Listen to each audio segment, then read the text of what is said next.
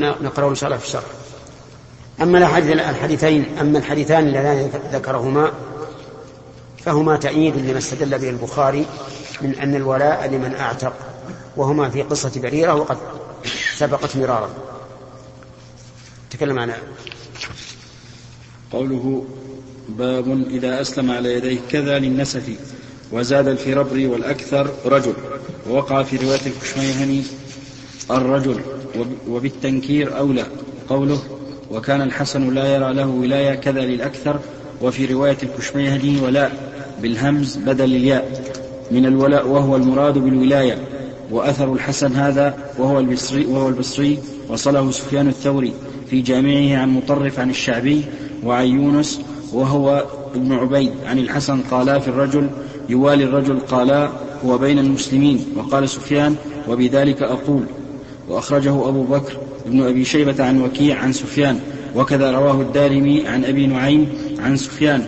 وأخرجه ابن أبي شيبة أيضا من طريق يونس عن الحسن لا يرثه إلا إن شاء أوصى له بماله. قوله ويذكر عن تميم الداري رفعه هو أولى الناس بمحياه, بمحياه أولى الناس. هو أولى الناس بمحياه ومماته هذا الحديث أغفله من صنف في الأطراف وكذا من صنف في رجال البخاري.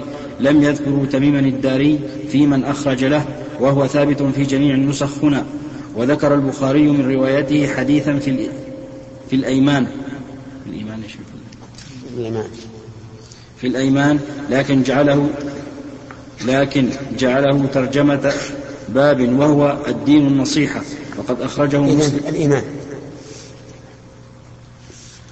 وذكر البخاري من رواياته حديثا في الإيمان لكن جعله ترجمة باب, باب وهو الدين النصيحة وقد أخرجه مسلم من حديثه وليس له عنده غيره. وليس له عنده غيره. وقد تكلمت عليه هناك. وقد تكلمت عليه عنده غيره. وليس له عنده غيره. وقد تكلمت عليه هناك وذكرته من حديث أبي هريرة وغيره. أيضا فلم يتعين المراد في تميم وهو ابن أوس ابن خارجة ابن, ابن سواد اللخمي ثم الداري. نسب إلى بني الدار ابن لخم وكان من أهل الشام ويتعاطى التجارة في الجاهلية وكان يهدي للنبي صلى الله عليه وسلم فيقبل منه وكان يهدي وكان يهدي للنبي صلى الله عليه وسلم فيقبل منه وكان إسلامه سنة تسع من الهجرة وقد حدث النبي صلى وقد حدث النبي صلى الله عليه وسلم أصحابه وهو على المنبر عن تميم بقصة الجساس والدجال وعد, وعد ذلك في مناقبه. وفي رواية الأكابر عن الأصاغر وقد وجدت رواية النبي صلى الله عليه وسلم عن غير تميم وذلك فيما أخرجه أبو عبد الله بن مندة في معرفة الصحابة. في ترجمة زرعة بن سيف بن ذي يزن فساق بسنده إلى زرعة أن النبي صلى الله عليه وسلم كتب إليه كتابا وفيه وإن وإن مالك بن مزرد الرهاوي قد حدثني أنك أسلمت وقاتلت المشركين فأبشر بخير الحديث. وكان تميم الداري من أفاضل الصحابة وله مناقب وهو أول من أسرج المساجد وأول من قضى على الناس أخرجهم الطبراني. وسكن تميم نكمل نكمل. نعم. وسكن تميم بيت ببيت المقدس بيت المقدس. إن كان ترجمة تميم واختلفوا نعم. وقوله رفع. نعم. وقوله رفع. وقوله رفع هو في معنى قوله قال رسول الله صلى الله عليه وسلم نحوها وقد وصله البخاري في تاريخه وأبو داود وابن أبي عاصم والطبراني والباغندي في مسند عمر بن عبد العزيز بالعنعنة كلهم من طريق عبد العزيز بن عمر بن عبد العزيز قال سمعت عبيد الله بن موهب يحدث عمر بن عبد العزيز عن قبيصة بن ذؤيب عن تميم الداري قال قلت يا رسول الله ما السنة في الرجل يسلم على يدي رجل من المسلمين قال هو أولى الناس بمحياه ومماته قال البخاري قال بعضهم عن ابن. عن ابن موهب أنه سمع تميما ولا يصح لقول النبي صلى الله عليه وسلم الولاء لمن أعتق وقال الشافعي هذا الحديث ليس بثابت إنما يرويه عبد العزيز ابن عمر عن ابن موهب. وابن موهب ليس بالمعروف ولا نعلمه. لقي تميما ومثل هذا لا يثبت. وقال الخطابي ضعف أحمد هذا الحديث وأخرجه أحمد والدارمي والترمذي والنسائي من رواية وكيع وغيره عن عبد العزيز عن ابن موهب عن تميم. وصرح بعضهم بسماع ابن موهب من تميم وأما الترمذي فقال ليس إسناده بمتصل. قال وأدخل بعضهم بين ابن موهب وبين تميم قبيصة رواه يحيى بن حمزة قلت ومن طريقه أخرجه من بدأت بذكره. وقال بعضهم أنه تفرد فيه بذكر قبيصة وقد رواه أبو إسحاق السبيعي عن ابن موهب بدون, بدون ذكر تميم. أخرجه النسائي أيضا. وقال ابن المنذر هذا الحديث مضطرب. هل هو عن ابن موهب عن تميم أو بينهما قبيصة؟ وقال بعض الرواة فيه عن عبد الله بن موهب وبعضهم ابن موهب. وعبد العزيز راويه ليس بالحافظ. قلت هو من رجال البخاري كما تقدم في الأشربة ولكنه ليس بالمكثر. وأما ابن موهب فلم يدرك تميما وقد أشار النسائي إلى أن الرواية التي وقع التصريح فيها بسماعه من تميم خطأ. ولكن وثقه بعضهم وكان عمر بن عبد العزيز ولاه القضاء. ونقل أبو زرعة الدمشقي في تاريخه بسند له صحيح عن الأوزاعي أنه كان يدفع هذا الحديث ولا يرى له وجها وصح هذا الحديث أبو زرعة الدمشقي وقال هو حديث حسن هو حديث حسن المخرج متصل. وإلى ذلك أشار البخاري بقوله واختلفوا في صحة هذا الخبر. وجزم في التاريخ بأنه لا يصح لمعارضته حديث إنما الولاء لمن أعتق ويؤخذ منه أنه لو صح سنده لما قاوم هذا الحديث وعلى التنزل فتردد في الجمع هل يخص هل يخص هل يخص هل يخص عموم الحديث المتفق على صحته بهذا فيستثنى منه من أسلم أو تؤول أو تؤول أو تؤول؟ أو تؤول الأولوية في قوله. أولى الناس. أو تؤول الأولوية في قوله أولى الناس بمعنى النصرة والمعاونة. وما أشبه ذلك لا بالميراث ويبقى الحديث المتفق على صحته على عمومه. جنح الجمهور إلى الثاني ورجحانه ظاهر. وبه جزم ابن القصار فيما حكاه ابن بطال فقال لو صح الحديث لكان تأويله أنه أحق بموالاته في النصر والإعانة والصلاة عليه إذا مات ونحو ذلك. ولو جاء الحديث بلفظ أحق بميراثه لوجب تخصيص الأول والله أعلم. قال ابن المنذر قال الجمهور بقوله قال الجمهور بقول الحسن في ذلك. وقال حماد وأبو حنيفة وأصحابه وروى عن وروي عن النخعي أنه يستمر إن عقل عنه وإن لم يعقل عنه فله أن يتحول لغيره واستحق الثاني وهلم جرا. وعن النخعي قول آخر ليس له أن يتحول وعنه إن استمر إلى أن مات تحول عنه وبه قال أبو إسحاق وعمر بن عبد العزيز ووقع, ووقع ذلك في طريق الباغندي التي أسلفتها. وفي غيرها أنه أعطى رجلا أسلم على يديه رجل فمات وترك مالا وبنتا نصف المال الذي بقي بعد نصيب البنت. ثم ذكر المصنف حديث ابن عمر في قصة بريرة من أجل قوله فيه فإن الولاء لمن أعتق لأن اللام فيه للإختصاص أي الولاء مختص بمن أعتق. وقد تقدم توجيهه وقوله فيه لا يمنعنك. المهم على تقدير صحة الخبر. فإنه يأتي في الدرجة التي بعد ولاء العتاقة والحقيقة أن أن له وجها من جهة النظر. بل له وجهان الوجه الأول أنها أن الذي أنقذه من الكفر أعظم منة عليه من الذي أنقذه من الرق. وثانيا أننا إذا أعطينا هذا الذي أسلم على يديه فإنه أخص مما لو صرفنا ماله إلى بيت المال. لأننا إذا قلنا إنه لا يرثه فإن التركة تؤول إلى إلى بيت المال. وإذا آلت إلى بيت المال صارت لعموم المسلمين. والذي من عليه ودله على الإسلام حتى دخل فيه أخص به من عامة المسلمين. فعلى هذا نقول إذا صح الخبر فله حظ من النظر من وجهين. هما ما ذكرناهما. أما إذا لم يصح الخبر فإن قد كفينا إياه ولكن كما رأيتم اختلاف العلماء فيه وقد ذهب شيخ الإسلام ابن تيمية رحمه الله إلى أنه يورث بهذا أي بإسلامه على يديه. نعم. نعم. والله الراجح أن له أصلا أن له أصلا لكن يعني يمكن تأويله. حق الناس به في في حياته وبعد مماته. يمكن تؤول مثل ما أولها أظن ابن بطال. يمكن تؤول. لكن نحن نقول إذا رجعنا إلى النظر الذي أشرنا إليه فإنه يقوي معنى هذا الحديث. نعم. نعم. نعم. الحديث هذا أخرجه مسلم. أخرجه مسلم. نعم. إيش؟ ما ذكر البخاري الجساسة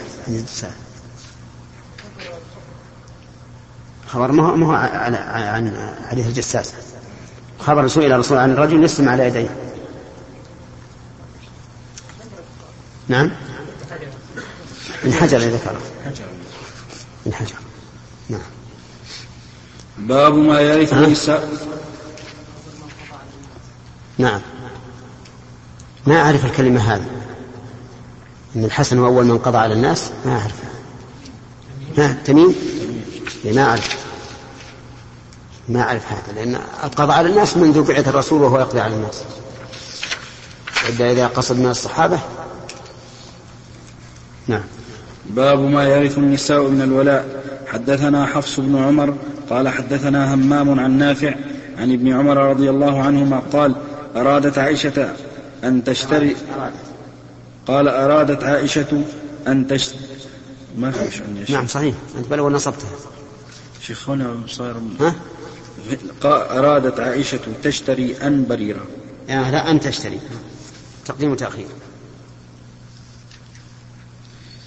قال أرادت عائشة أن تشتري بريرة فقالت للنبي صلى الله عليه وسلم إنهم يشترطون الولاء. فقال النبي صلى الله عليه وسلم اشتريها فإنما الولاء لمن آتق. حدثنا ابن سلام قال أخبرنا وكيع عن سفيان عن منصور. حدثنا ابن سلام قال أخبرنا وكيع عن سفيان عن منصور عن إبراهيم عن الأسود. عن عائشة أنها قالت قال رسول الله صلى الله عليه وسلم الولاء لمن أعطى الورق وولي النعمة نعم قال المؤلف باب ما يرث النساء من الولاء. ولا يرث النساء من الولاء بل لا يرث لا يرث النساء بالولاء إلا من أعتقن أي باشرن عتقه أو أعتقه من أعتق. ولا يرثن بالنسب لا يرثن الولاء بالنسب. ولهذا قال العلماء رحمهم الله إن الولاء عصوبة تثبت لمن؟ للمعتق وعصبة المتعصبين بأنفسهم فقط. وفي أثناء دراستنا في الفرائض ضربنا مثلا يوضح ذلك. فقلنا لو أن رجلا أعتق عبدا اسمه سعيد وكان لهذا الرجل ابن يسمى خالدا وبنت تسمى فاطمة. ثم مات الأب.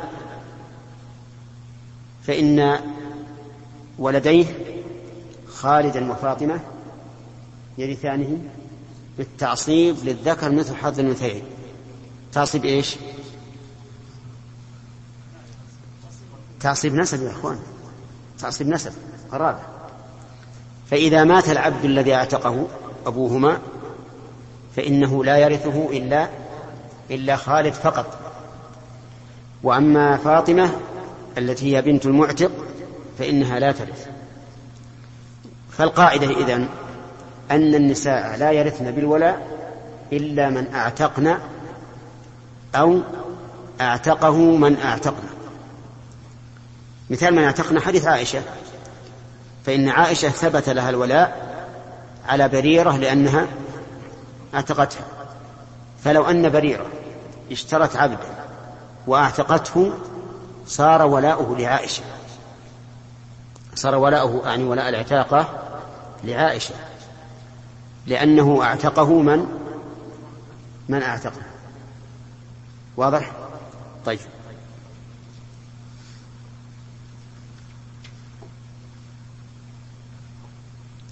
نعم. باب مولى القوم من أنفسهم وابن الأخت منهم.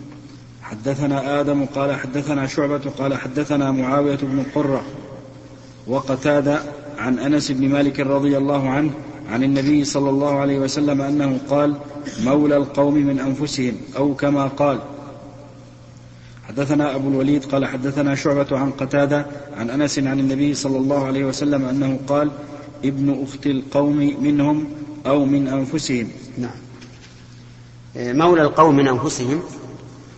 لأن الولاء لحمة كلحمة النسب ولهذا يرث يرثونه. واختلفوا هل يرث منهم أو لا. اختلف العلماء في هذا ويقال له المولى من أسفل. حطوا يقال نافع مولى بن عمر. ويقال ابن عمر مولى نافع. ابن عمر نقول مولى من أعلى. ونافع نقول مولى من أسفل المولى من أعلى يرث لأنه معتق. والمولى من أسفل فيه خلاف أيضا في خلاف بين العلماء وإن كان ضعيفا. أكثر العلماء يرون أنه لا ولاية من أسفل ولكن بعض العلماء يقول إن هناك ولاية من أسفل إذا لم توجد الولاية العليا فبالولاية السفلى. ولعل هذا يؤيده قوله صلى الله عليه وسلم إن مولى القوم منهم أو من أنفسهم. فإنهم كما أنهم يرثونه فينبغي أن يرثهم إذا تعذرت أسباب المواريث الأخرى. وأما قوله ابن أخت القوم فماذا تقولون في ابن, في ابن الأخت؟ هل يرث أو لا؟ ليش؟ لأنه من الحواشي وبينه وبين الميت أنثى. وكل واحد بينه وبين الميت أنثى من الحواشي فإنه لا يرث ولكنه من ذوي الأرحام من ذوي الأرحام عند العلماء. لأن الورثة عند أهل العلم ثلاثة ذو فرض وعصبة ورحم من ذوي الأرحام.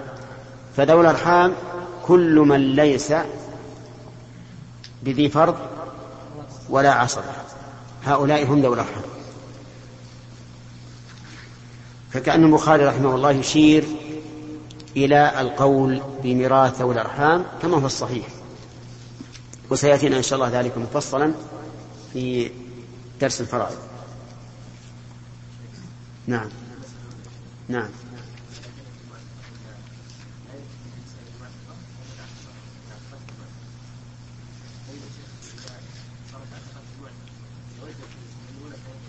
كيف؟ نعم. لا ما عائشة ترث بريرة وبريرة ترث عتيقة. لكن لو ماتت بريرة ورثت عائشة يعني يدخل فيهم الحجم كما يدخل بالأصول والفروع فالأعلى لا يرث مع الأدنى نعم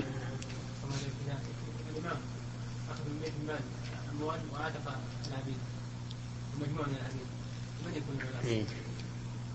لماذا يأخذ؟ لا يحل للإمام أن يأخذ من أموال المسلمين ليعتق بها إلا إذا جاء إلا إذا دعت الحاجة إلى ذلك. مثل أن يكون أسرى يفتيهم مثلا وإذا فداهم فإنهم لا يعتبرون أرقا إذا فعل فولاؤهم فولاؤهم للمسلمين. أي نعم. باب ميراث الأسير. قال وكان شريح يورث الأسير في أيدي العدو ويقول هو أحوج إليه. وقال عمر بن عبد العزيز أجز وصية الأسير وعتاقته وما صنع في ماله ما لم يتغير عن دينه فإنما هو ماله يصنع فيه ما يشاء. قول باب ميراث من ميراث الأسير. هذا من باب إضافة المصدر إلى فاعله ومفعوله. مفعوله. تأملوا.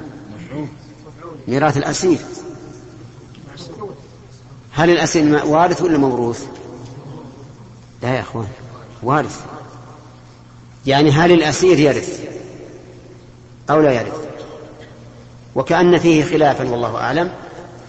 وكأن الذين قالوا لا يرث قالوا لأنه إذا ورث كان خطرا على ميراثه. أن يأخذه العدو. أن يأخذه العدو. المهم من ميراث الأسير يعني باب هل يرث الأسير أو لا. ولا شك أن الأسير داخل في عمومات الأدلة الدالة على الميراث فيرث. ولهذا قال شريح يورث الأسير في أيدي العدو ويقول هو أحوج إليه. هو أحوج إلى المال من الإنسان الطليق. وكذلك أيضا قال عمر بن عبد العزيز أجز وصية الأسير وأعتاقه وما صنع في ماله ما لم يتغير عن دينه. فإن تغير عن دينه بأن ارتد والعياذ بالله فالمرتد لا يرث. لكن بقي على دينه فإنه يرث. نعم. حدثنا أبو الوليد قال حدثنا شعبة عن أبي عن أبي حازم عن أبي هريرة عن النبي صلى الله عليه وسلم أنه قال من ترك مالا فلورثته ومن ترك كلا فإلينا. الشاهد قوله فلورثته فإنه يعم الأسرى وغير الأسرى. ومن ترك كلا يعني ضعيفا لا يتحمل ولا يقوم بأعبائه بأعبائه فإلينا. وهذا مصداق قوله تبارك وتعالى النبي أولى بالمؤمنين من أنفسهم. الشيخ؟ نعم. شيخ الأسير يعطى ميراثه أو يحفظ له في, في هذا عاد ينظر فيه. المهم أنه يستحق الميراث. فينظر هل يمكن أن يصل إليه بسلام ويتمكن من الانتفاع به فإنه يوصل إليه وإلا يحفظ له. نعم. باب لا يرث المسلم الكافر ولا الكافر المسلم وإذا أسلم قبل أن يقسم الميراث فلا ميراث له. حدثنا أبو عاصم عن ابن جريج عن ابن شهاب عن علي بن حس عن علي بن حسين عن عمرو بن عثمان عن أسامة بن زيد رضي الله عنهما أن النبي صلى الله عليه وسلم قال لا يرث المسلم الكافر ولا الكافر المسلم. وهذا عام. لا يرث الكافر المسلم ولا المسلم الكافر هذا عام. والواجب الأخذ بعمومه إلا بدليل صريح صحيح يدل على التخصيص. وما أشار إليه المؤلف رحمه الله البخاري هي مسألة مختلف فيها. إذا أسلم قبل أن يقسم الميراث فمن العلماء من قال يورث ترغيبا له في الإسلام. واستدلوا بحديث فيه نظر في دلالته وفي ثبوته. ومنهم من قال إنه لا يورث لعموم حديث أسامة رضي الله عنه. لا يرث المسلم الكافر ولا الكافر المسلم. وقولهم إنه إننا نورث ترغيبا له في الإسلام هي مصلحة لكن يعارضها مفسدة أخرى مفسدة قد تكون أقوى منها. وهي أن يسلم لأجل أن يأخذ الميراث ثم بعد ذلك يرتد فتكون نكبة عظيمة على من معه من من الناس من الورثة وعلى نفسه أيضا. لأنه إذا ارتد صار كفره أعظم من الكفر الأصلي لأنه لا يقر على كفره بعد ردته بل يقال أسلم وإلا قتلناك فالصحيح ما ذهب إليه البخاري أنه إذا أسلم قبل أن يقسم الميراث فلا ميراث له. نعم.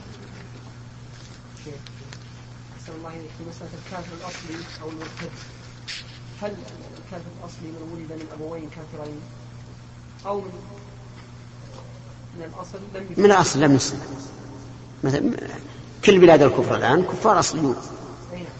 لكن هذا من المسلمين مثلا. ما في إذا كان من المسلمين ما يمكن يكون كافر أصلي لابد طرأ عليه ردة من المسلمين لم يصلي مثلا. من إيه إذا إذا هذا مرتد.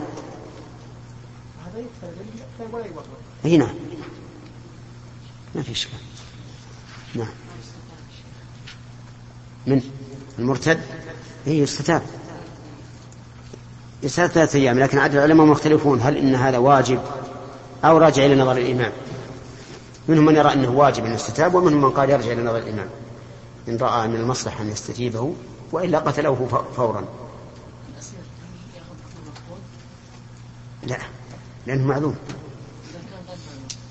إذا كان إذا كان غير معلوم فهذا حكم حكم المفهوم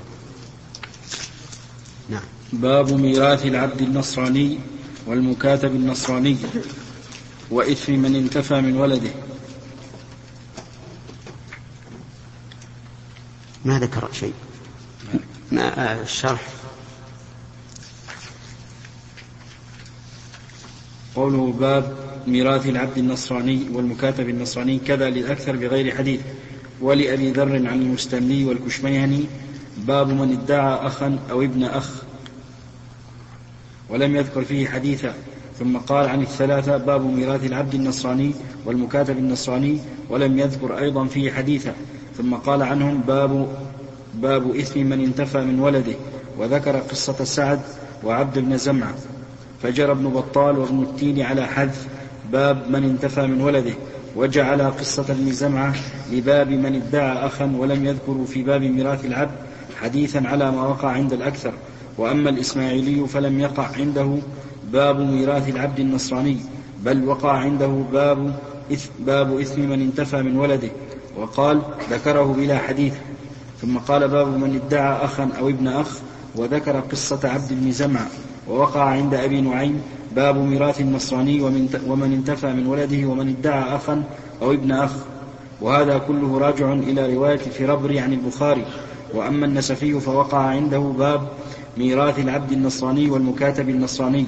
وقال لم يكتب لم يكتب فيه حديثا. وفي وفي عقبه باب من انتفى من ولده ومن ادعى أخا أو ابن أخ. وذكر فيه قصة ابن زمعة. فتلخص لنا من هذا كله أن الأكثر جعلوا قصة ابن زمعة لترجمة من ادعى أخا أو ابن أخ ولا إشكال فيه وأما الترجمتان فسقطت إحداهما عند بعض وثبتت عند بعض. قال ابن بطال لم لم يدخل البخاري تحت هذا الرسم حديثا. ومذهب العلماء أن العبد النصراني إلى ومذهب العلماء أن العبد النصراني إذا مات فماله لسيده بالرق. لأن ملك العبد غير صحيح ولا مستقر فهل مستقر. ولا مستقر. فهو مال السيد يستحقه لا بطريق الميراث وإنما يستحق بطريق الميراث ما يكون ملكا مستقرا لمن يورث عنه. وعن ابن سيرين. وإنما يستحق. وإنما يستحق بطريق الميراث ما يكون ملكا مستقرا لمن يورث عنه. وعن ابن سيرين ماله لبيت المال وليس للسيد فيه شيء لاختلاف دينهما. وأما المكاتب فإن مات قبل أداء كتابته وكان في ماله وفاء لباقي كتابته أخذ ذلك في كتابته. فما فضل فما فضل فهو لبيت المال. قلت وفي مسألة المكاتب خلاف ينشأ من الخلاف في من ادعى في من أدى بعض كتابته هل يعتق منه بقدر ما أدى أو يستمر على الرق ما بقي عليه شيء. وقد مضى الكلام على ذلك في كتاب العتق وقال ابن المنير يحتمل أن يكون البخاري أراد, أراد أن يدرج هذه الترجمة تحت الحديث الذي قبلها لأن النظر فيه محتمل كأن يقال يأخذ المال لأن العبد ملكه لأن العبد نعم. لأن العبد ملكه. وله انتزاعه منه حيا فكيف لا يأخذه ميتا؟ ويحتمل أن يقال لا يأخذه لعموم لا يرث المسلم الكافر. والأول أوجه قلت وتوجيهه ما تقدم. وجر الكرماني على ما وقع عند أبي نعيم فقال ها هنا ثلاث تراجم متوالية والحديث الظاهر للثالثة. وهي من ادعى أخا أو ابن أخ قال وهذا يؤيد ما ذكروا أن البخاري ترجم لأبواب. وأراد أن يلحق بها الأحاديث فلم يتفق له إتمام ذلك. وكان أخلى بين كل ترجمتين بياضا فضم النقلة النقلة. فضم النقلة بعض ذلك إلى بعض. قلت ويحتمل أن يكون في الأصل ميراث العبد النصراني والمكاتب النصراني كان مضموما إلى لا يرث المسلم الكافر إلى آخره وليس بعد ذلك ما يشكل إلا ترجمة من انتفى من ولده. ولا سيما على سياق أبي ذر وسأذكره في الباب الذي يليه. تكميل. لم يذكر البخاري ميراث النصراني إذا اعتقه المسلم وقد حكى فيه ابن التين ثمانية أقوال.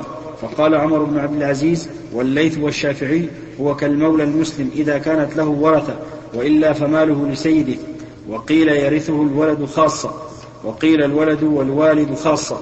وقيل, وقيل هما والإخوة وقيل هما والعصرة وقيل ميراثه لذوي رحمه وقيل لبيت المال فيئا وقيل يوقف فمن ادعاه من النصارى كان له انتهى ملخصا. وما نقله عن الشافعي لا يعرفه أصحابه واختلف واختلف في عكسه فالجمهور